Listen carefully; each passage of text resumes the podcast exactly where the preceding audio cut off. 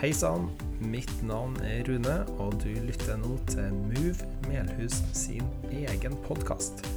Besøk oss gjerne på movemelhus.no for mer informasjon, eller søk oss opp på Facebook. Vel bekomme. Velkommen til del to av taleserien Hjem, kjære hjem.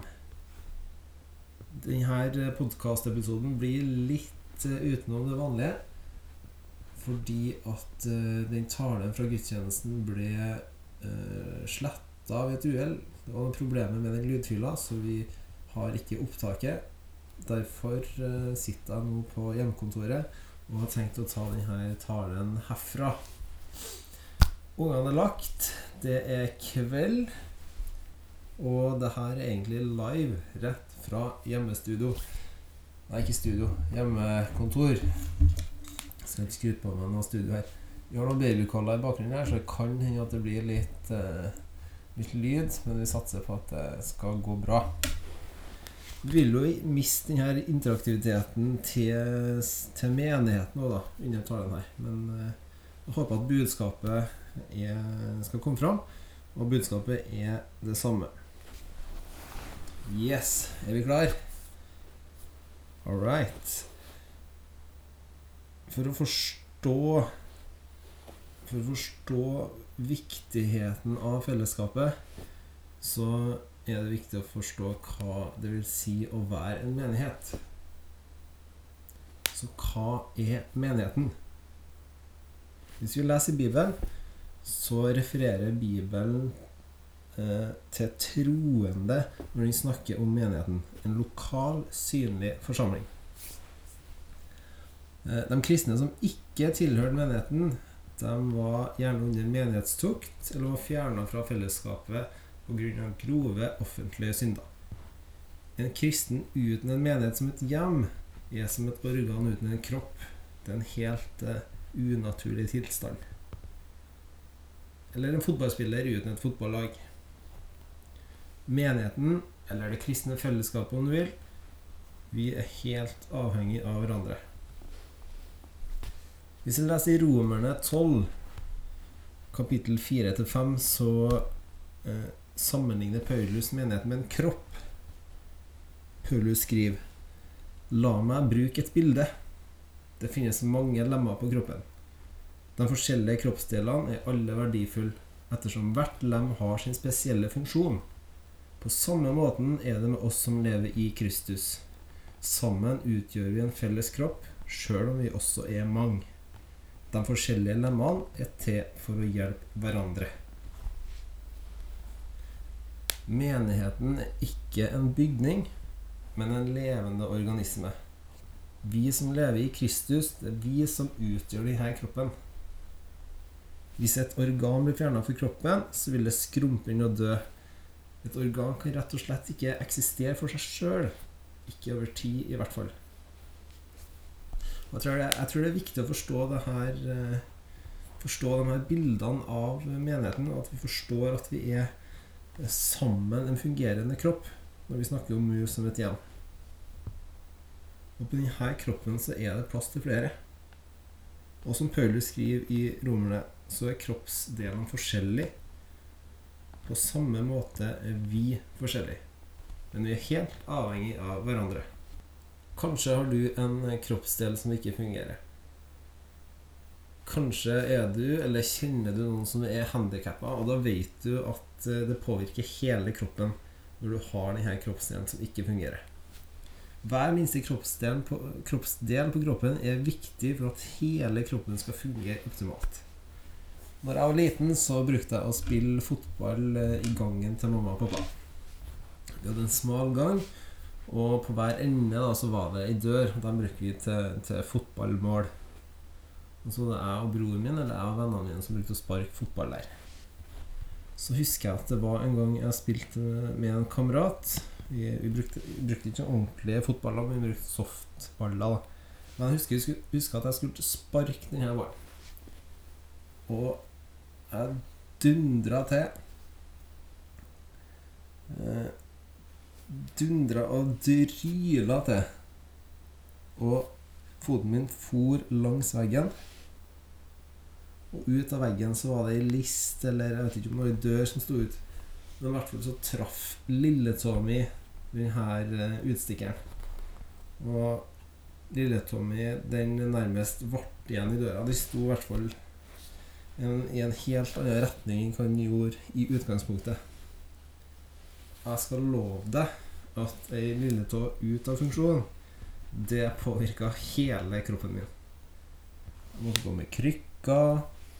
Jeg måtte gå halvt og jamre og slite i flere uker etterpå. Poenget mitt er at vi alle er viktige i det her fellesskapet.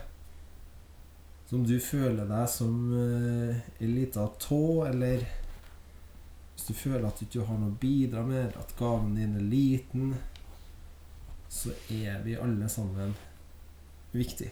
Det er så viktig at vi anerkjenner hverandre og bygger opp hverandre og setter pris på eh, hverandres tjeneste og gaver. da. Gudstjenestene våre, f.eks., de blir ikke til for seg sjøl.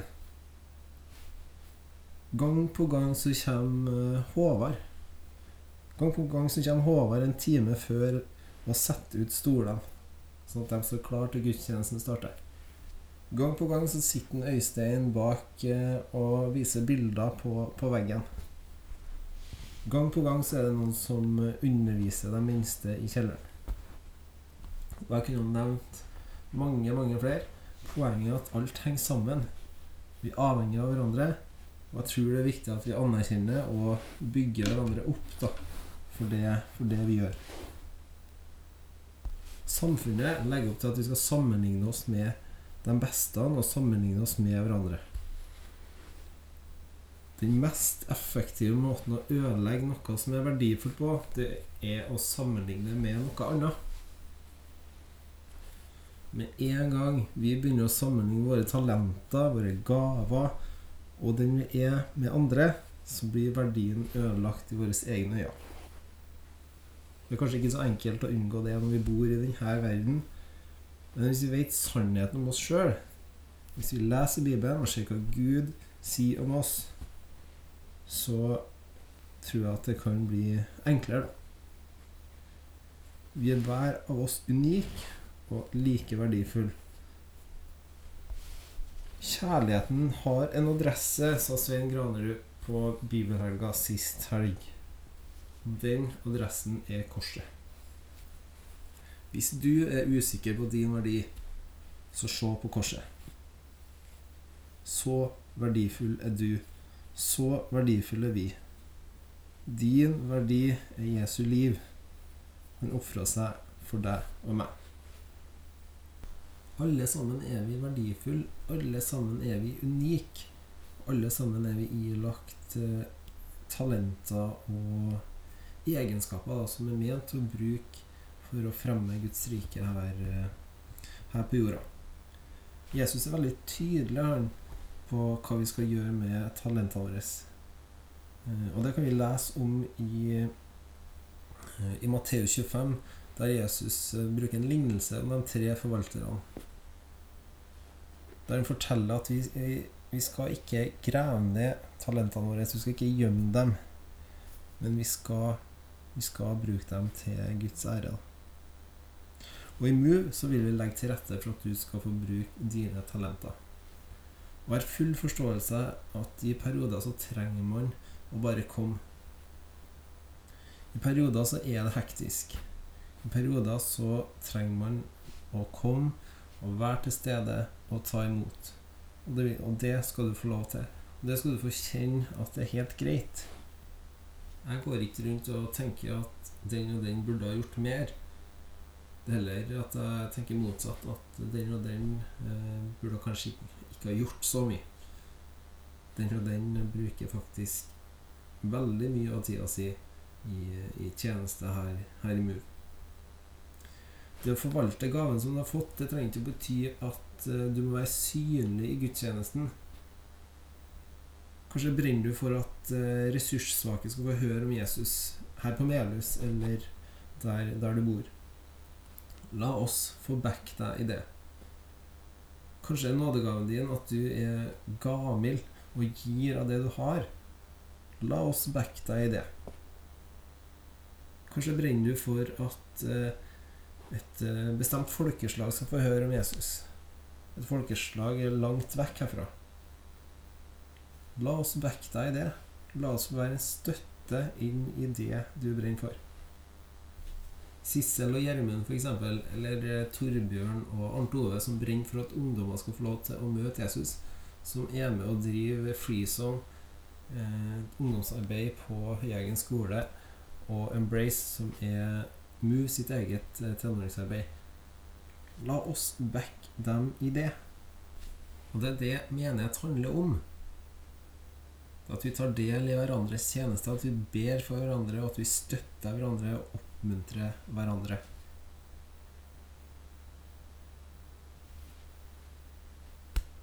Jeg sa sist, eh, sist gang, eller sist tale, så snakka jeg om at eh, vi skulle ta for oss hvorfor eh, Hvorfor du trenger Move Melhus. Det har jeg tenkt å si litt, eh, litt om nå. Eh, for noen år siden så leste jeg en bok av Rick Warren som heter 'Målretta liv'. Der han tar for seg flere eh, hensikter med livet. Hvis du lurer på hva hensikten med livet er, så anbefaler jeg at du leser den boka. Veldig, veldig oppbyggelig og god, god bok som handler om det her med menighet og det kristne liv, da. Så jeg har latt meg inspirere av, eh, av den boka. Jeg skal ikke ta for meg alle punktene han snakker om her, men jeg har lyst til å se på tre punkter om hvorfor du og jeg trenger Move Melhus. Det første punktet det er at i Move Melhus så blir du identifisert som en troende. Vi som enkeltmennesker kan ikke følge Jesus alene. I Johannes 13,35 sier Jesus Gjennom det at dere elsker hverandre, skal menneskene skjønne at dere er disiplene mine. Det at vi elsker hverandre, det skal være et synlig vitnesbyrd for verden. Og det skal være kjennetegnet på at jeg og du tilhører Jesus. Vi trenger hverandre for å uttrykke denne kjærligheten. Punkt nummer to. I Mumeløs så skal vi få deg ut av selvsentrert isolasjon. Dette fellesskapet det er selve klasserommet for å praktisere uselvisk medfølende kjærlighet. I Mumeløs så håper jeg at vi kan ha et åpent fellesskap som lærer å ha omsorg for hverandre. Første brev til Korinterne 12,26. Dersom en del av kroppen må lide, vil dere alle kjenne smerte. Dersom en del av kroppen blir satt pris på, vil dere alle være glad. I Bumelus så er vi knytta til hverandre og avhengig av hverandre. Som pastor for denne forsamlinga så ønsker jeg å være et talerør for Gud. Jeg ønsker å stille meg disponibel for hva Gud vil her på Melhus. Og vite at dette budskapet det treffer meg òg. Dette er ikke et budskap fra meg til dere. Dette er et budskap til alle oss samla. Og når jeg forberedte meg til denne talen, så kjente jeg nok en gang på at det å elske hverandre, det er utfordrende. Og kanskje kjenner du også på det. Formaninger, eller irettesettelser, veiledninger, oppfordringer, de kan noen gang være utfordrende. Sjøl om de er ment å være til oppbyggelse og stort sett er positivt lada. De skal hjelpe oss å ligne på Jesus. Og vi trenger formaninger fordi sjøl om vi er kristne, Sjøl om vi er frelst og har fått en ny natur i Den hellige ånd, så bærer vi også med oss en syndig natur da, som direkte motarbeider Guds vilje. Derfor trenger vi veiledning i form av formaninger. Av egen kraft så tror jeg det er helt umulig å elske noen man enten ikke kjenner eller ikke kommer eh, så godt overens med. For å elske hverandre så tror jeg det er helt essensielt at vi er fullt av Guds kjærlighet. At vi er elska av Gud, det tror jeg at mange forstår med hodet. Det tror jeg mange forstår med tankene våre. Men jeg tror ikke at alle kjenner det eller vet det med hjertet sitt. Det kan være flere grunner til det. Sjøl så lengter jeg etter å bli fylt av denne kjærligheten. En kjærlighet som ikke kan gjøre oss eh, fortjent til. Og for min del så tenker jeg at det er bra å ha denne lengselen. Eh, Det er jo lengsel etter å bli bedre kjent med Gud. Det er lengsel etter å komme nærmere Gud. I, I flere år så har jeg blitt fortalt at uh, trua ikke handler om følelser. At vi ikke skal basere trua vår på følelser. Og det, det er helt rett. Vi skal ikke basere trua på følelser, for følelseslivet det går opp og ned. Men Gud han har skapt oss med følelser, og Gud han kan gripe inn. Og det har jeg hørt flere, flere vitnesbyrd om.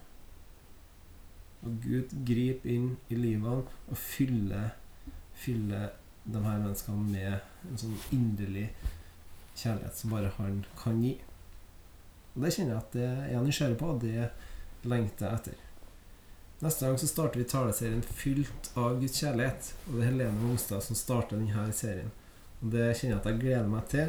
Nå vet ikke jeg om vi kommer til å snakke så mye om det her med følelser, men jeg tror at det blir, blir veldig bra. I Bibelen så står det som sagt eh, flere formaninger og oppdrag. Og når jeg sitter og leser det her, så kan jeg kjenne på en liten demotivasjon noen gang. Kanskje handler det om at jeg tenker at det er egen kraft som skal utrette det her. Ut og forkynne, ut og døpe, ut og føre mennesker til Jesus. For det er jo vårt oppdrag. Og jeg tenker at vi skal lese Bibelen for vår egen del. Og det er kjempeviktig. Men det er så fort gjort å glemme at Paulus ofte skriver til menigheten, han skriver til fellesskapet. Formaningene som Paulus gir, gir han ofte som et felles oppdrag til oss. Og det må vi ikke glemme. Vi som menighet skal føre mennesker til Jesus. Og Jeg synes at det blir enklere å forstå oppdraget vårt når jeg skjønner at dette er et felles oppdrag. Vi er Jesu kropp her på jorda. Sammen skal vi gå ut Sammen skal vi døpe, og sammen skal vi vitne om Jesus. Men det krever samtidig at du forvalter det du har fått i hendene. Siste punkt, punkt nummer tre. I MU så blir du utrusta til disippelskap. Alle som tror på Jesus, er disipler. Det er ikke en tittel for tilsynelatende flinke kristne. Disippel betyr lærling, en som følger etter, en som følger etter mesteren sin og lærer av han. Gjennom hele livet med Jesus så er man i lære. Feserne 4,16. Det er Han som føyer hele kroppen sammen til en enhet og holder den samla ved hjelp av lederne den har valgt. Gjennom det at hvert lem i kroppen bidrar med den oppgaven Gud har gitt den, vokser hele kroppen og blir bygga opp til en enhet der alle elsker hverandre. Her får vi også kanskje ett av svarene til hva som bør ligge til grunn for at vi skal elske hverandre det at hvert lem, altså meg og deg, i denne kroppen bidra med den oppgaven Gud har gitt den. Og Jeg håper at du på gudstjenester eller i småfellesskap eller andre sammenkomster eh, skal få lov til å bli utfordra. Utfordra til å forvalte det som er gitt deg.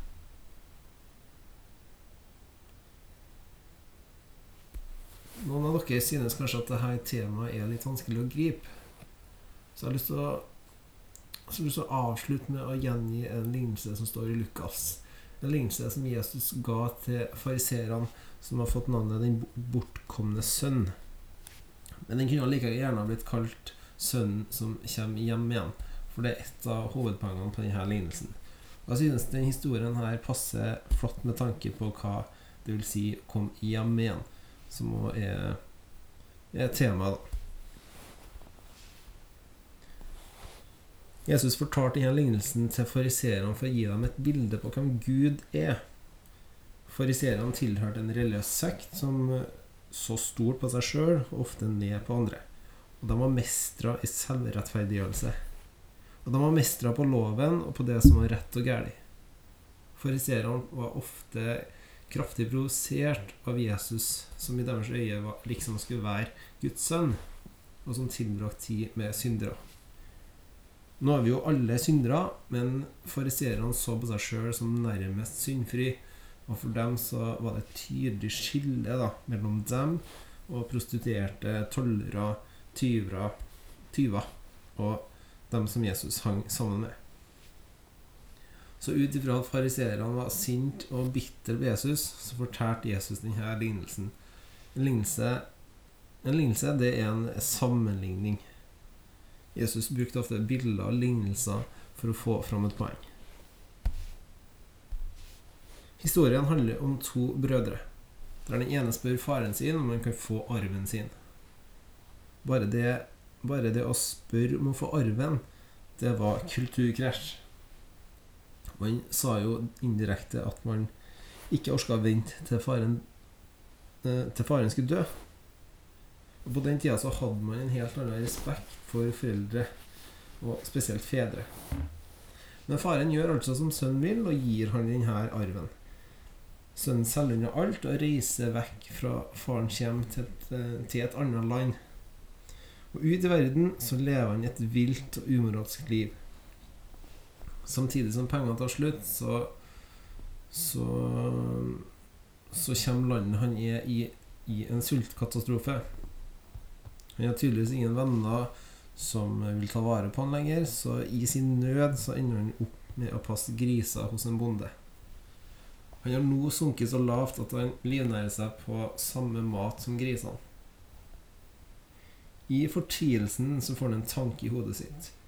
Han erkjenner at han har synda mot Gud og faren, og han ser for seg tjenerne i faren sitt hus, og hvor godt de har det. De har i det minste mat på bordet. Så får han en tanke om at også han kanskje kunne være tjener i farens hus. Og han begynner å forberede seg på hva han skal si til faren sin. At han ikke, vært, eh, at han ikke er verdig til å kalles sønn lenger. Og hvordan han skal spørre faren om at kanskje han kan være en tjener. Og ut ifra denne erkjennelsen så kommer omvendelsen. Han går hjemover. Omvendelser de er, eh, er helt fantastisk. Gud elsker omvendelser. Når vi kommer til en erkjennelse over at eh, det livet vi lever, ikke er bra for oss, eller at det er noe som går mot Guds vilje, så eh, Så er det fantastisk når vi gjør omvendelse. At omvendelse, det betyr å skifte retning. Og vi som mennesker, vi kan gjøre omvendelser. Eh, denne mannen, denne sønnen, går hjemover.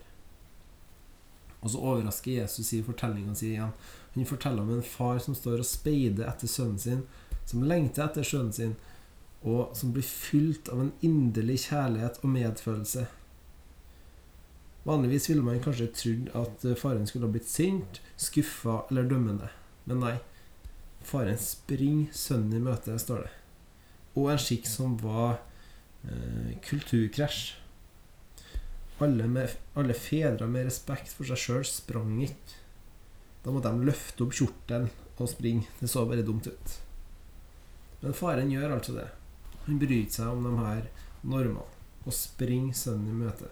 Og kaster seg om halsen på han og kysser han. Putter på han de fineste klærne nye sko og ring og slakte gjøkalven og invitere til fest. Og da er det fest. Og hva sier det her oss om Gud? Vi er så flinke til å føre skam over oss. Men når vi vender oss mot Gud, og når vi omvender oss, så er Gud nådig. Men ut på marken så står denne storebroren og lurer på hva som skjer. Han registrerer at nå her er det fest. Her er det fest i huset. Så han får høre seg og, med en tjener og blir fortalt at lillebroren din har kommet hjem. Reaksjonen til broren er sinne, bitterhet og sjalusi. Han blir rasende, står det. Og så står det at faren går ut og prøver å overtale sønnen til å bli med inn igjen. Bli med inn i huset. Men alt sønnen gjør, det er å ramse opp alt han har gjort for faren og sammenligne seg sjøl med den minste broren. Jeg tror spesielt at eh, storebroren er et, eh, et bilde på fariseerne. Et bilde på de bitre og sjalve og religiøse fariseerne. Jesus viser med dette at man ikke får Guds velvilje gjennom selvrettferdige handlinger. Det er ikke noe man kan gjøre seg fortjent til. Som Svein Granerud sa sist helg først gaven, så oppgaven. Ikke motsatt. Først gaven, så oppgaven. I samfunnet så fungerer det motsatt. Man legger ofte ned en innsats der eh, belønninga er en form for fortjeneste. Men hos Gud så er det motsatt. Gaven først, og oppgaven blir da responsen. Jeg vet ikke om du kjenner deg igjen i en av de her brødrene. Jeg kan kjenne meg igjen i begge to til tider. Kanskje er du en plass i livet der du må gjøre en omvendelse, og det vet du godt sjøl. Eller kanskje du identifiserer deg med broren som står på marka og arbeider og arbeider og tjenestegjør og tjenestegjør. Kanskje er du sint på Gud for at han virker fraværende. Kanskje er du der at du har havna i det religiøse mønsteret. Du leser i Bibelen, du gjør, går på møter, du går på gudstjenester, du hører på kristen musikk og podkast, og du gjør alt det kristne, da. Alt det der kristne. Men så virker Gud fraværende. Vi kan ikke gjøre oss fortjent til Guds kjærlighet. Det er en gave.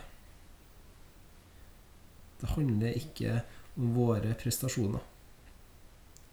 Mitt budskap er til deg uansett at uansett av hvem av dem her du eventuelt eh, identifiserer deg med, så er du først og fremst Guds barn. Gud står der med åpne armer og vil omslutte deg hvis du vil komme hjem igjen. Hjem, kjære hjem.